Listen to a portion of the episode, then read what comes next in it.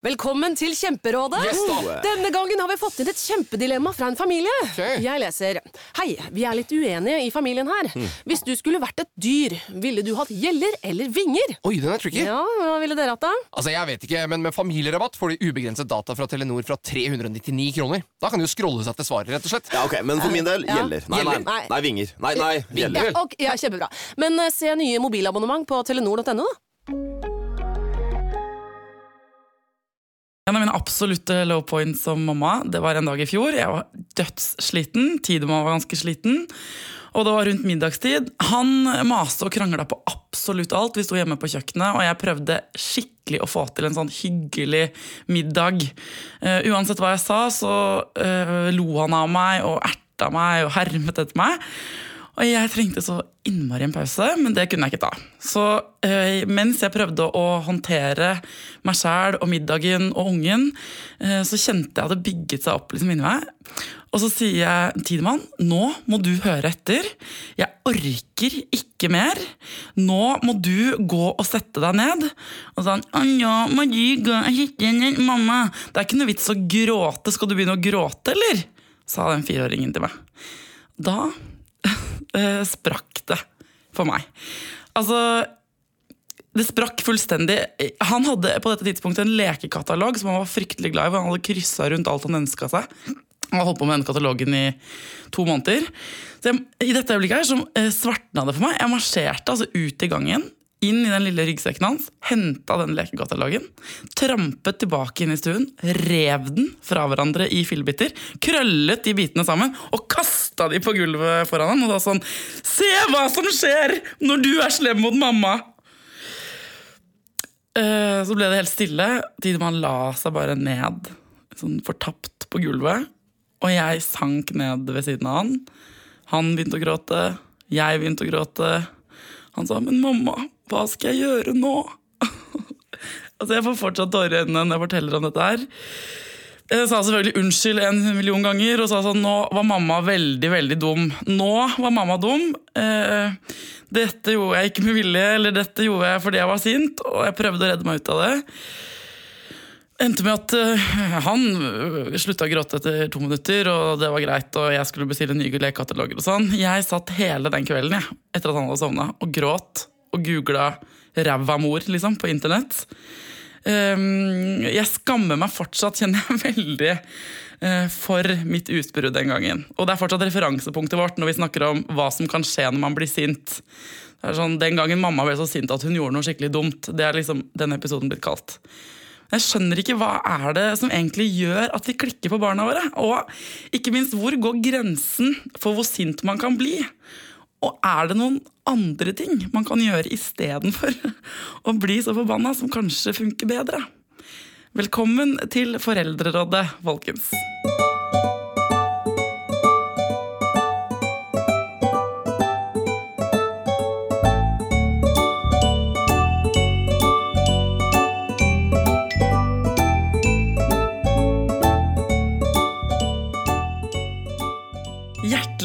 Velkommen til Foreldrerådet, Elisabeth Gerhardsen. Du er psykolog og spesialist i barn og ungdom. Det er så hyggelig at du kunne komme hit. Takk for det. Du, Hvorfor er barn så innmari vanskelige?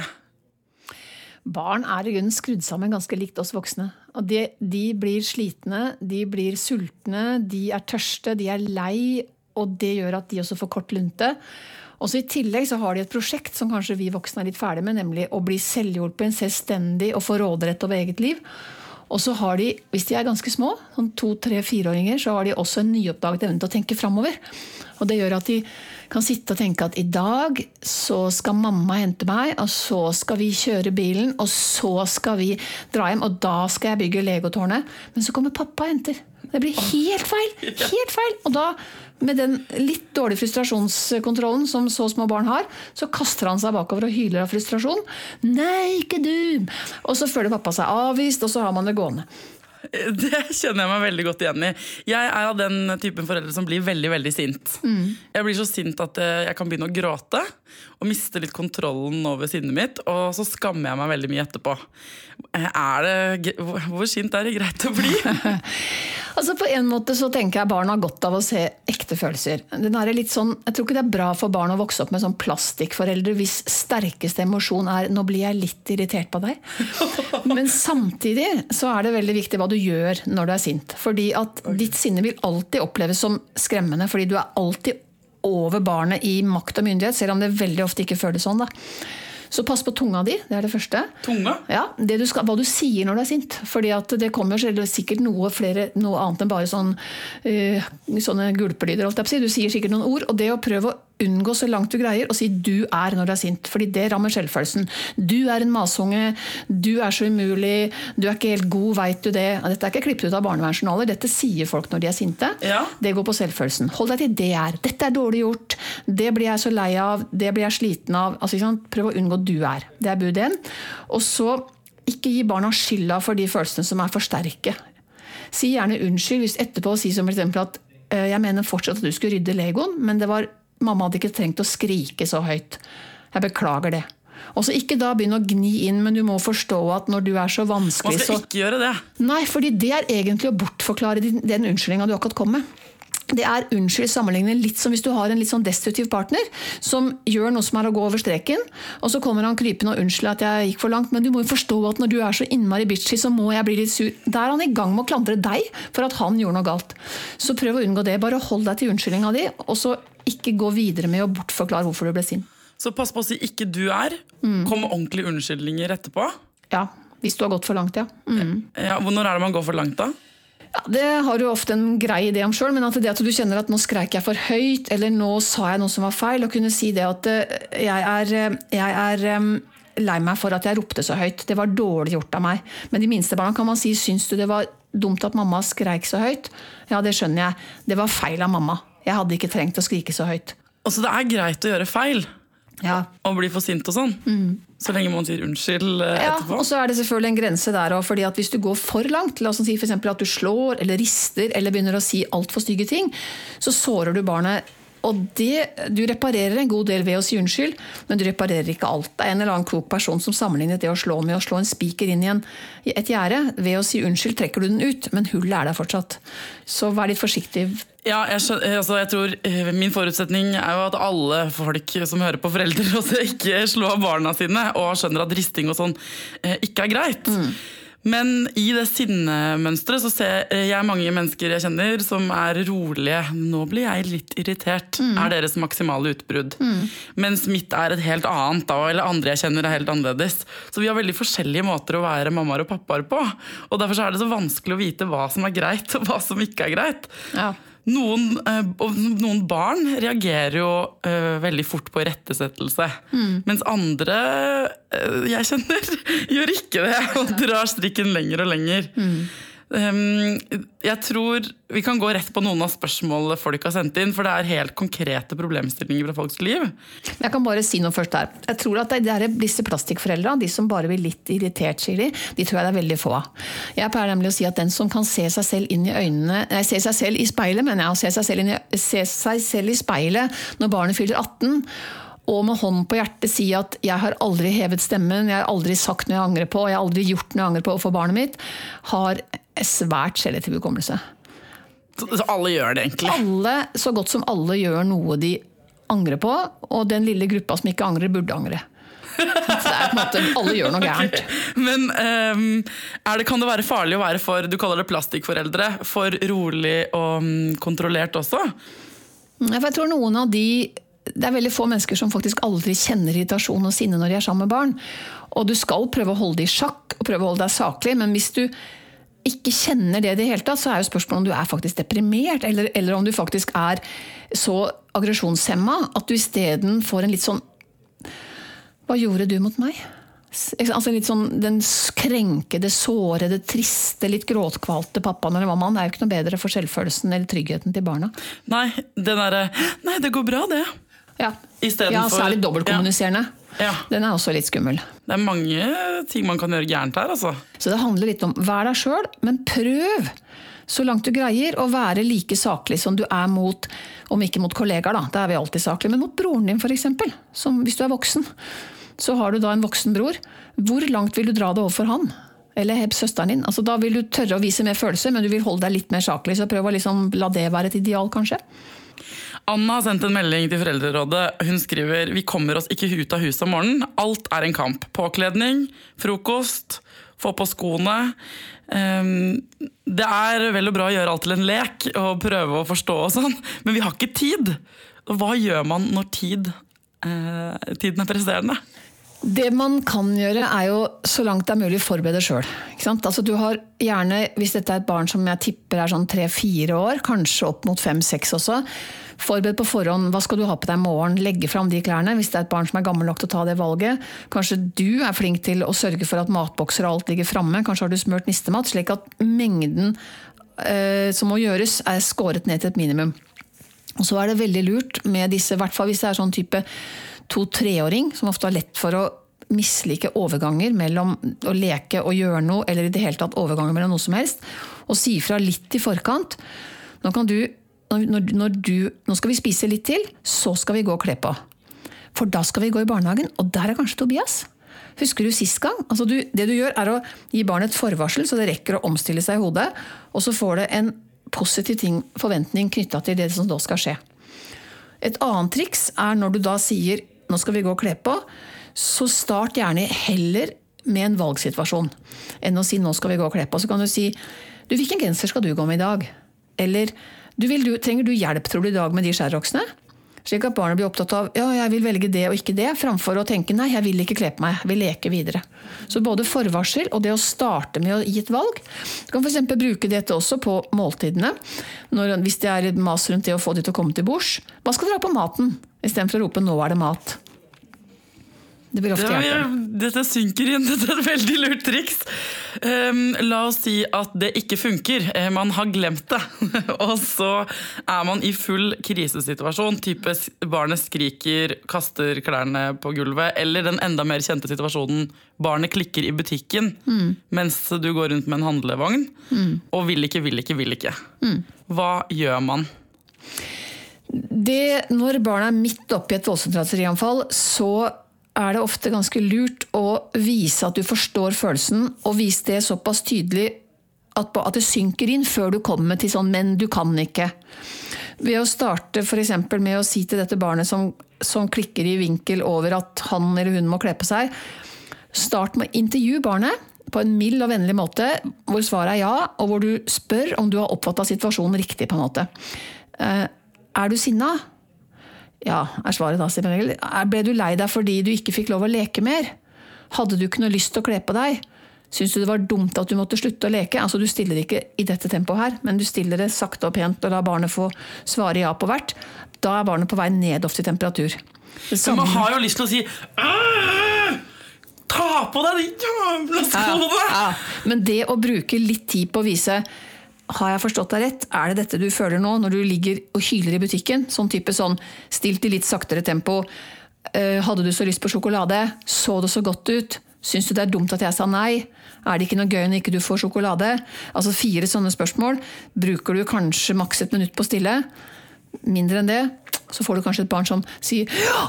Og så er vi frivillig, istedenfor at du skal brøle ut ditt sinne og dra med den Ja, For så sier man sånn Ja, det skjønner jeg, ja. men nå må vi ja, det skjønner jeg, Gå. men i dag er det ikke lørdag. Bla, bla. Du kan si f.eks.: Jeg skjønner det, men i dag er det ikke lørdag, og, men det kan vi kjøpe på lørdag. Men vet du hva du kan få i dag? Vi kan kjøpe ananas. Har du lyst på ananas? Et eller annet som kan gi en av, digresjoner, avledninger, for noe som du syns er greit. Hva er det som irriterer foreldre mest, tror du? Mm, noen ganger så tror jeg man kan bli veldig provosert av barn som ikke svarer. Det er ofte litt større barn som bare rett og slett ikke svarer når du eh, prøver å liksom få, få de til å gjøre et eller annet eller si et eller annet. Og så er det jo også veldig frustrerende med barn som da går i baklås over ting som overhodet ikke du kan noe for.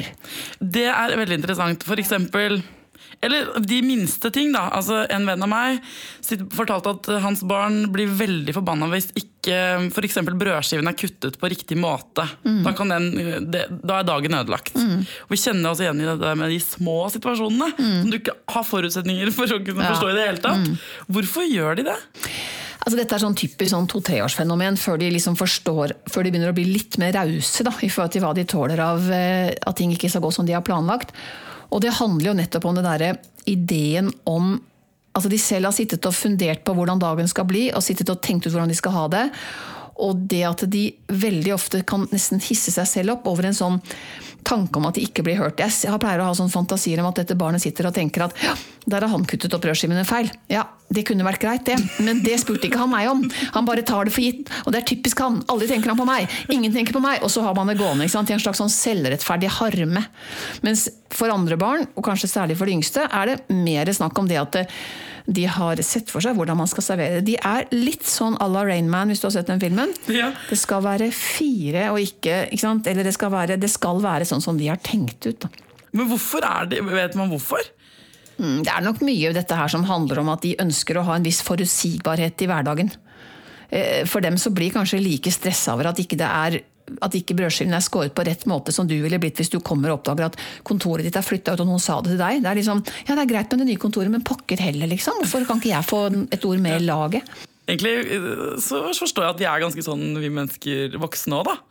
Ja. Blir jo sure hvis ikke man, folk har bretta klærne dine feil, hvis kjæresten har gjort noe feil i skapende system. Vi er ganske opptatt av de systemene våre sjøl. Ja, eller hvis du er helt overbevist om at det som skal skje nå, er at kjæresten din skal lage middag, og så skjer ikke det fordi han tok det vidt at du skulle lage, så kan du kjenne deg litt irritert. Altså, det er noe med at de brutte forventninger ligger ofte bak mye av det raseriet.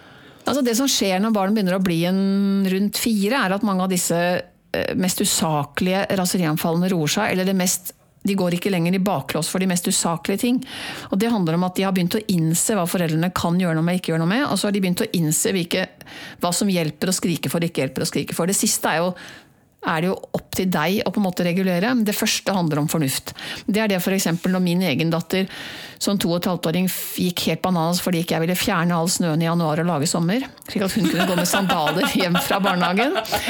Det er dårlig liksom- gjort, altså! Ja, det var veldig dårlig gjort. Hun var, hun var rasende i en time for at ikke jeg ville fjerne den snøen. Og da tenker jeg, Men som tre og et halvt fireåring så skjønte hun at det var faktisk utafor min makt.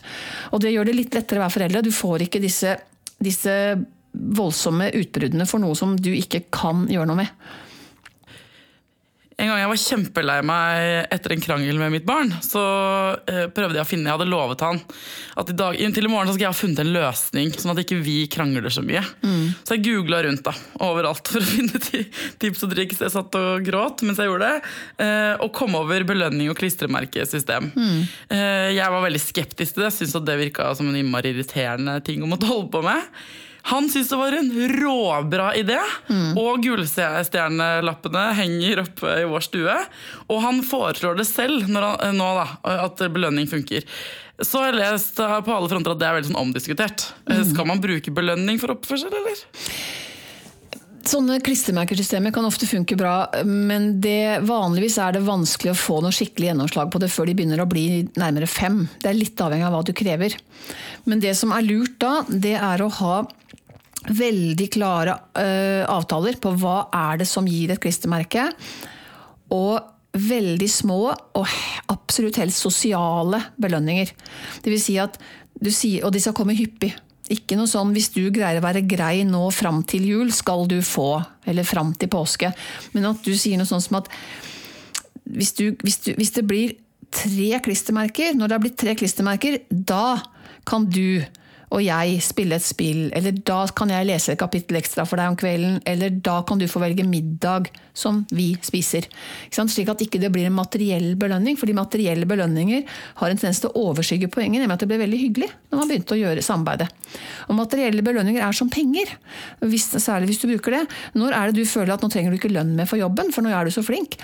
Det, kommer aldri. Så de vil aldri slutte med det. For ditt poeng er jo ikke å stå og klistre klistremerke til konfirmasjonen, men at det her skal fade ut, og han skal miste litt interesse. Ja, jeg er helt enig. Det er akkurat det som er problemet. For jeg har gjort eh, kardinaltabben, da. Og han får en leke etter så og så Ja. mange stjerner. Så nå ønsker han seg jo ekstremt mange ting. Eh, og det veldig, føles usympatisk å ha et barn som oppfører seg hyggelig, fordi han vet at han får eh, Lego. Ja, Det du kan gjøre hvis du allerede har rota deg inn i et sånt system, er å prøve å si at du, nå har jeg lyst til å finne på noen andre ting når det blir klistremerker. Når du, får, når du har fått så og så mange klistremerker. Da, men da må du ha hyppigere. ikke sant? Type hver andre, hver tredje gang kommer da denne lille ti minutters cirka belønningen i form av at dere gjør noe hyggelig sammen. Ikke at vi skal dra på Tusenfryd, ikke svømmehallen, men noe som faktisk du bruker ti minutter på. Det kan også være at nå skal vi lage vafler, så skal hele familien få spise det. Men ikke godteri ikke, som barnet spiser alene. Ikke leker, ikke penger. Nettopp fordi det, blir, det, blir, det overskygger, og fordi at barnet vil aldri slutte med det. Kan man bruke det da på riktig måte med både sånn spising, prøve ny mat? Altså kan man bruke det på andre ting òg? Ja, men det må du passe litt på i forhold til spising. At det du belønner, er ikke at barnet overprøver sin egen appetitt og sin egen sultfølelse, men at du kan eventuelt bruke det mot å sitte, at det blir hyggelig til bords. Er eventuelt på det å smake, men da skal det være begrensa. Hvis du tar tre tygger anonymat, så er det greit. Jeg ville vært litt forsiktig med mat og bruke det på mat i det hele tatt, men det er ypperlig på det f.eks. ikke slå småsøsken, øh, komme seg ut av huset i anstendig tid, mm, rydde f.eks. Sånne ting som er litt sånn mer gjøre en ting for, for husfreden sin skyld. Da. Det som også er lurt, er å selge inn det her med et sånt Vi har et felles problem. Så istedenfor å snakke om at du er så treig om morgenen, eller du bråker så mye, så kan du si jeg syns det er så dumt at det blir så mye kjefting og roping hver morgen. Hvem er det som kjefter? Det er deg. Roping er kanskje han. Det er han helt enig i. Det er dumt at det er så mye kjefting om morgenen. Nå har jeg funnet på noe som kanskje hjelper. Hvis det kan bli slik at ikke det blir noe kjefting om morgenen, eller hvis vi klarer å sette oss til bords til frokosten før det har gått så og så lang tid, så setter vi opp det klistremerket. Det blir på en måte litt sånn felles definisjon av problemet, litt felles prosjekt der. Da. da kan det også være enda mer effektivt. Ganske ofte så kan jeg forstå uh, at det ikke handler om akkurat de skoene eller den isen eller den brødskiva som ikke blir kuttet riktig. At han er sint, at barna er sinte for andre ting. Men når er det man liksom skal eh, se etter noe mer alvorlig? For jeg har tenkt noen ganger her, Han må være i krise. Her er det noe forferdelig som har skjedd som jeg ikke får tak i. Mm. Når skal man begynne å stille seg litt mer sånn alvorlige spørsmål da? Hvis det er ekstremt sterke reaksjoner som varer over lang tid, og du tenker at dette her er garantert mye mer enn det som er vanlig eller normalt, så kan du begynne å mistenke noe. Er det, Hvor langt er det? Nei, altså Det er vanskelig å si, fordi det handler litt om hvordan barnet reagerer også. Men la oss nå si at det har gått uke etter uke, tre-fire uker, hvor du syns at her er det, går det en kule varmt hele tiden, det er bare bråk og skrik. Så, og du begynner å tenke da at Eller med en gang du begynner å bli bekymra. Så det du skal gjøre, er å se på Syns dette på mange områder? Slår det ut på mange områder? Et barn som ikke har det bra, vil nesten alltid vise det på flere områder. Hvis barnet sover godt, spiser og folk tåler det greit til en del av måltidene, holder vekta, er energisk og har godt, eh, ikke godt humør, det er det han ikke har, men altså er energisk, eh, er sosial, funker med de andre barna i barnehagen, så kan du regne med at dette går bra. Da det, handler det om eh, det handler om konflikten, og kanskje om slitenhet men ikke om alt mulig annet. Men et barn som begynner å vise tegn til å fungere dårlig sosialt, trekker seg unna lek med andre barn, eller krasjer hele tiden med andre barn, sover dårlig, begynte å kanskje få litt mareritt, og samtidig ha dårlig appetitt, eh, veldig svingende humør, ja, da ville jeg begynt å leite etter noe. Det kan være at det at han ikke trives i barnehagen er hovedårsaken. Kanskje har, har noen av de andre barna avvist han. Kanskje er det noe som personalet kan holde øye med. Kanskje har det skjedd noe i familien nylig. Kanskje er det litt kinke mellom dere voksne. Det er ofte lett å glemme og tenke at ja, men barnet merker jo ingenting på det. Ja, Barn har er eksperter og leser kroppsspråket vårt. På samme måte som du kan se på ryggen til mora di hvilket humør hun er i, eller se på ganglaget til kjæresten din hvilket humør hun eller han er i, så kan barn lese oss på samme måte. Og klart, Er det konflikter mellom deg og den andre forelderen, så vil barnet sense det. Om ikke annet på ditt, ditt stemningsleie, ditt humør. Du står ikke og traller og skjærer opp brød hvis du har hatt en kjempekrangel om natta, eller er redd for økonomien, eller driver og brygger på en influensa. Så ditt humør, din form smitter over. Så ikke glem den biten. Når du leter etter ting som plager barnet, så kan det faktisk være det samme som plager deg. Bare at det plager han eller hun via deg. Da. For jeg tror eh, ganske typisk hvis man har det litt dritt, da, hvis man har en dårlig periode, enten pga. jobb eller relasjoner, eller kanskje med mødre eller fedre, eller en eller annen sånn situasjon, eh, og man da i tillegg har disse daglige kranglene med fireåringen sin, f.eks., eksempel, så kan det godt hende man begynner å lete etter sånn nå skjønner hun at jeg, jeg ikke har det bra. Og dette, altså at man gjør det andre veien. At man bekymrer seg for mye for at det trassutbruddet handler om store ting. Men da skal man altså uansett sjekke hvis det fungerer bra på alle andre områder. Så var det bare et eh, utbrudd på morgenkvisten.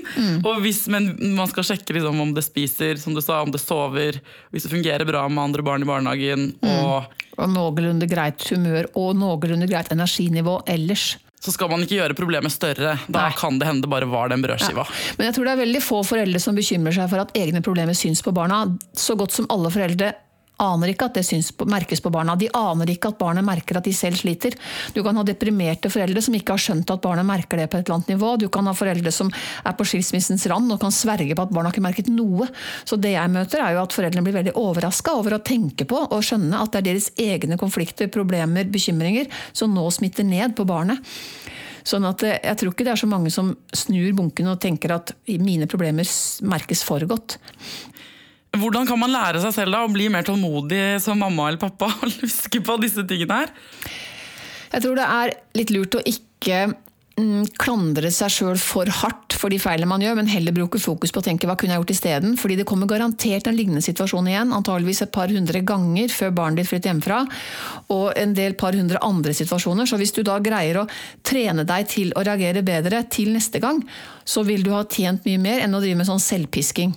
Så man skal ikke drive og øh, skamme seg og selvpiske seg. Ja, Du kan selvpiske hvis du har gjort noe sånn du tenker at dette, vil, dette, vil, dette ligner på en barnevernssituasjon. Da må du søke hjelp, tenker jeg. Det er viktig. Sånn Ja. at, men det, hvis du ikke er der, men tenker mer at dette var ikke noe særlig, det er ikke noe pynter ikke opp, liksom, og, og dette her, men det er innafor det jeg tenker at barn stort sett tåler, så kan du likevel gå i en sånn hva har trigga meg her? Er det krangelen med kollegaen min som jeg tok med hjem, og så fikk jeg kort lunte? Ja vel, kanskje du skal prøve å jobbe med arbeidssituasjonen din. Kanskje, kanskje løsninga er at du skal legge deg tidligere om kvelden. Kanskje løsningen er at du skal sørge for å spise en brødskive eller, en, eller noe, et eller annet rett før du går fra jobb, slik at du selv er litt mer på høyden. Kanskje du skal bruke ti minutter før du går inn døra i barnehagen, bare til å sitte og slappe av litt. Det, det kan være måter å gjøre det på som gjør at du har litt mer overskudd. Så la oss si at man har gjort det, man har spist en brødskive, man har tatt seg ti minutter utenfor barnehagen, og man er forberedt og tenker at i dag så skal den hentinga gå kjempebra. Men så skjer det et eller annet med noe Sherrox som blir feil, og noe jakke som ikke blir riktig, og eh, det, vi ender likevel i den kokende situasjonen hvor du ikke klarer å tenke klart, rett og slett. Du er bare kjempesint. Barnet er kjempesint. Hva kan man gjøre da? Jeg tror at du kan til en viss grad unngå å komme der hvis du er veldig klar på å følge opp dine egne beskjeder.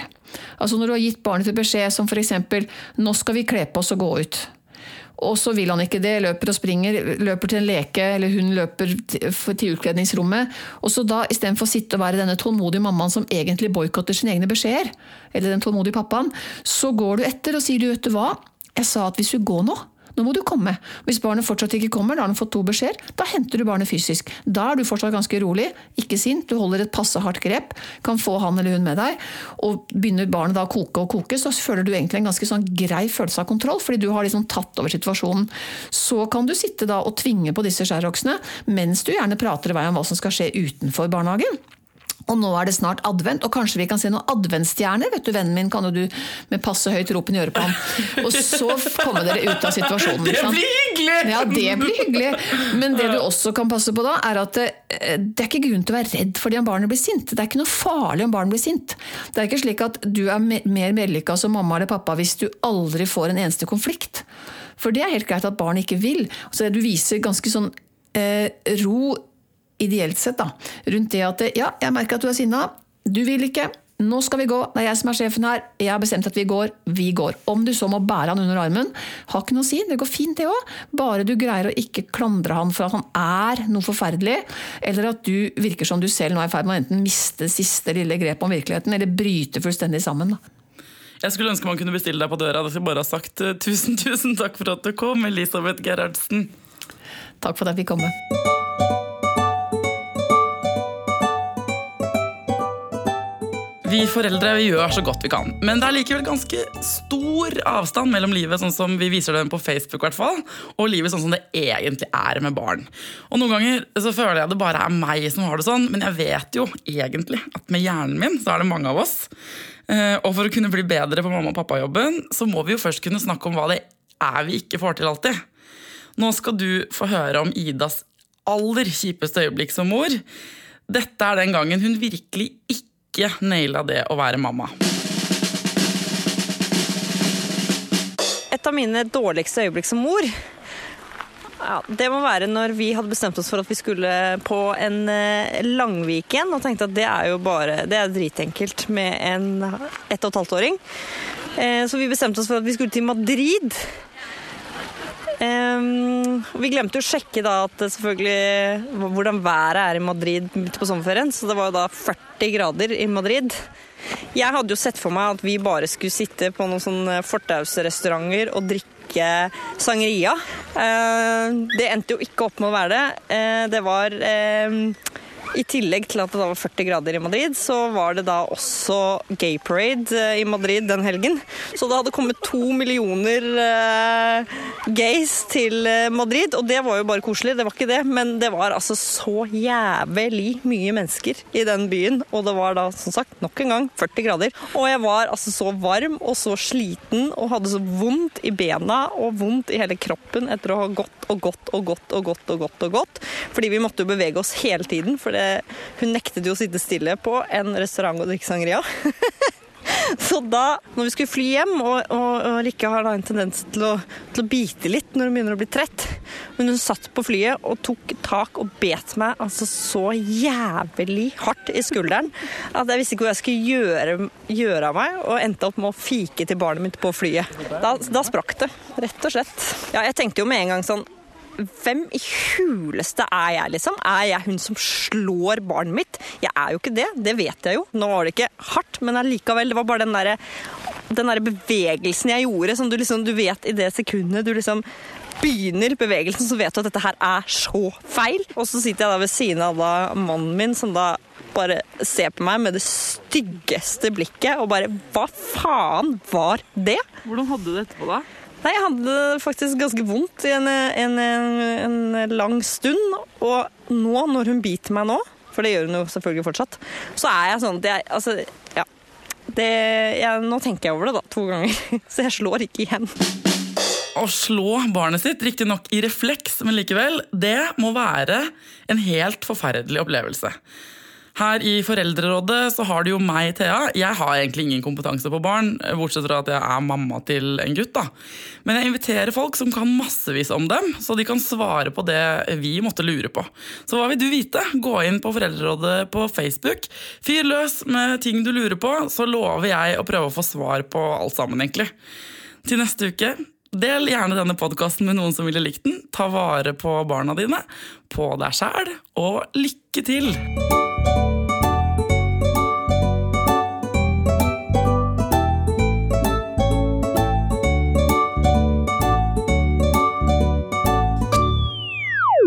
Produsert av Rubicon Radio.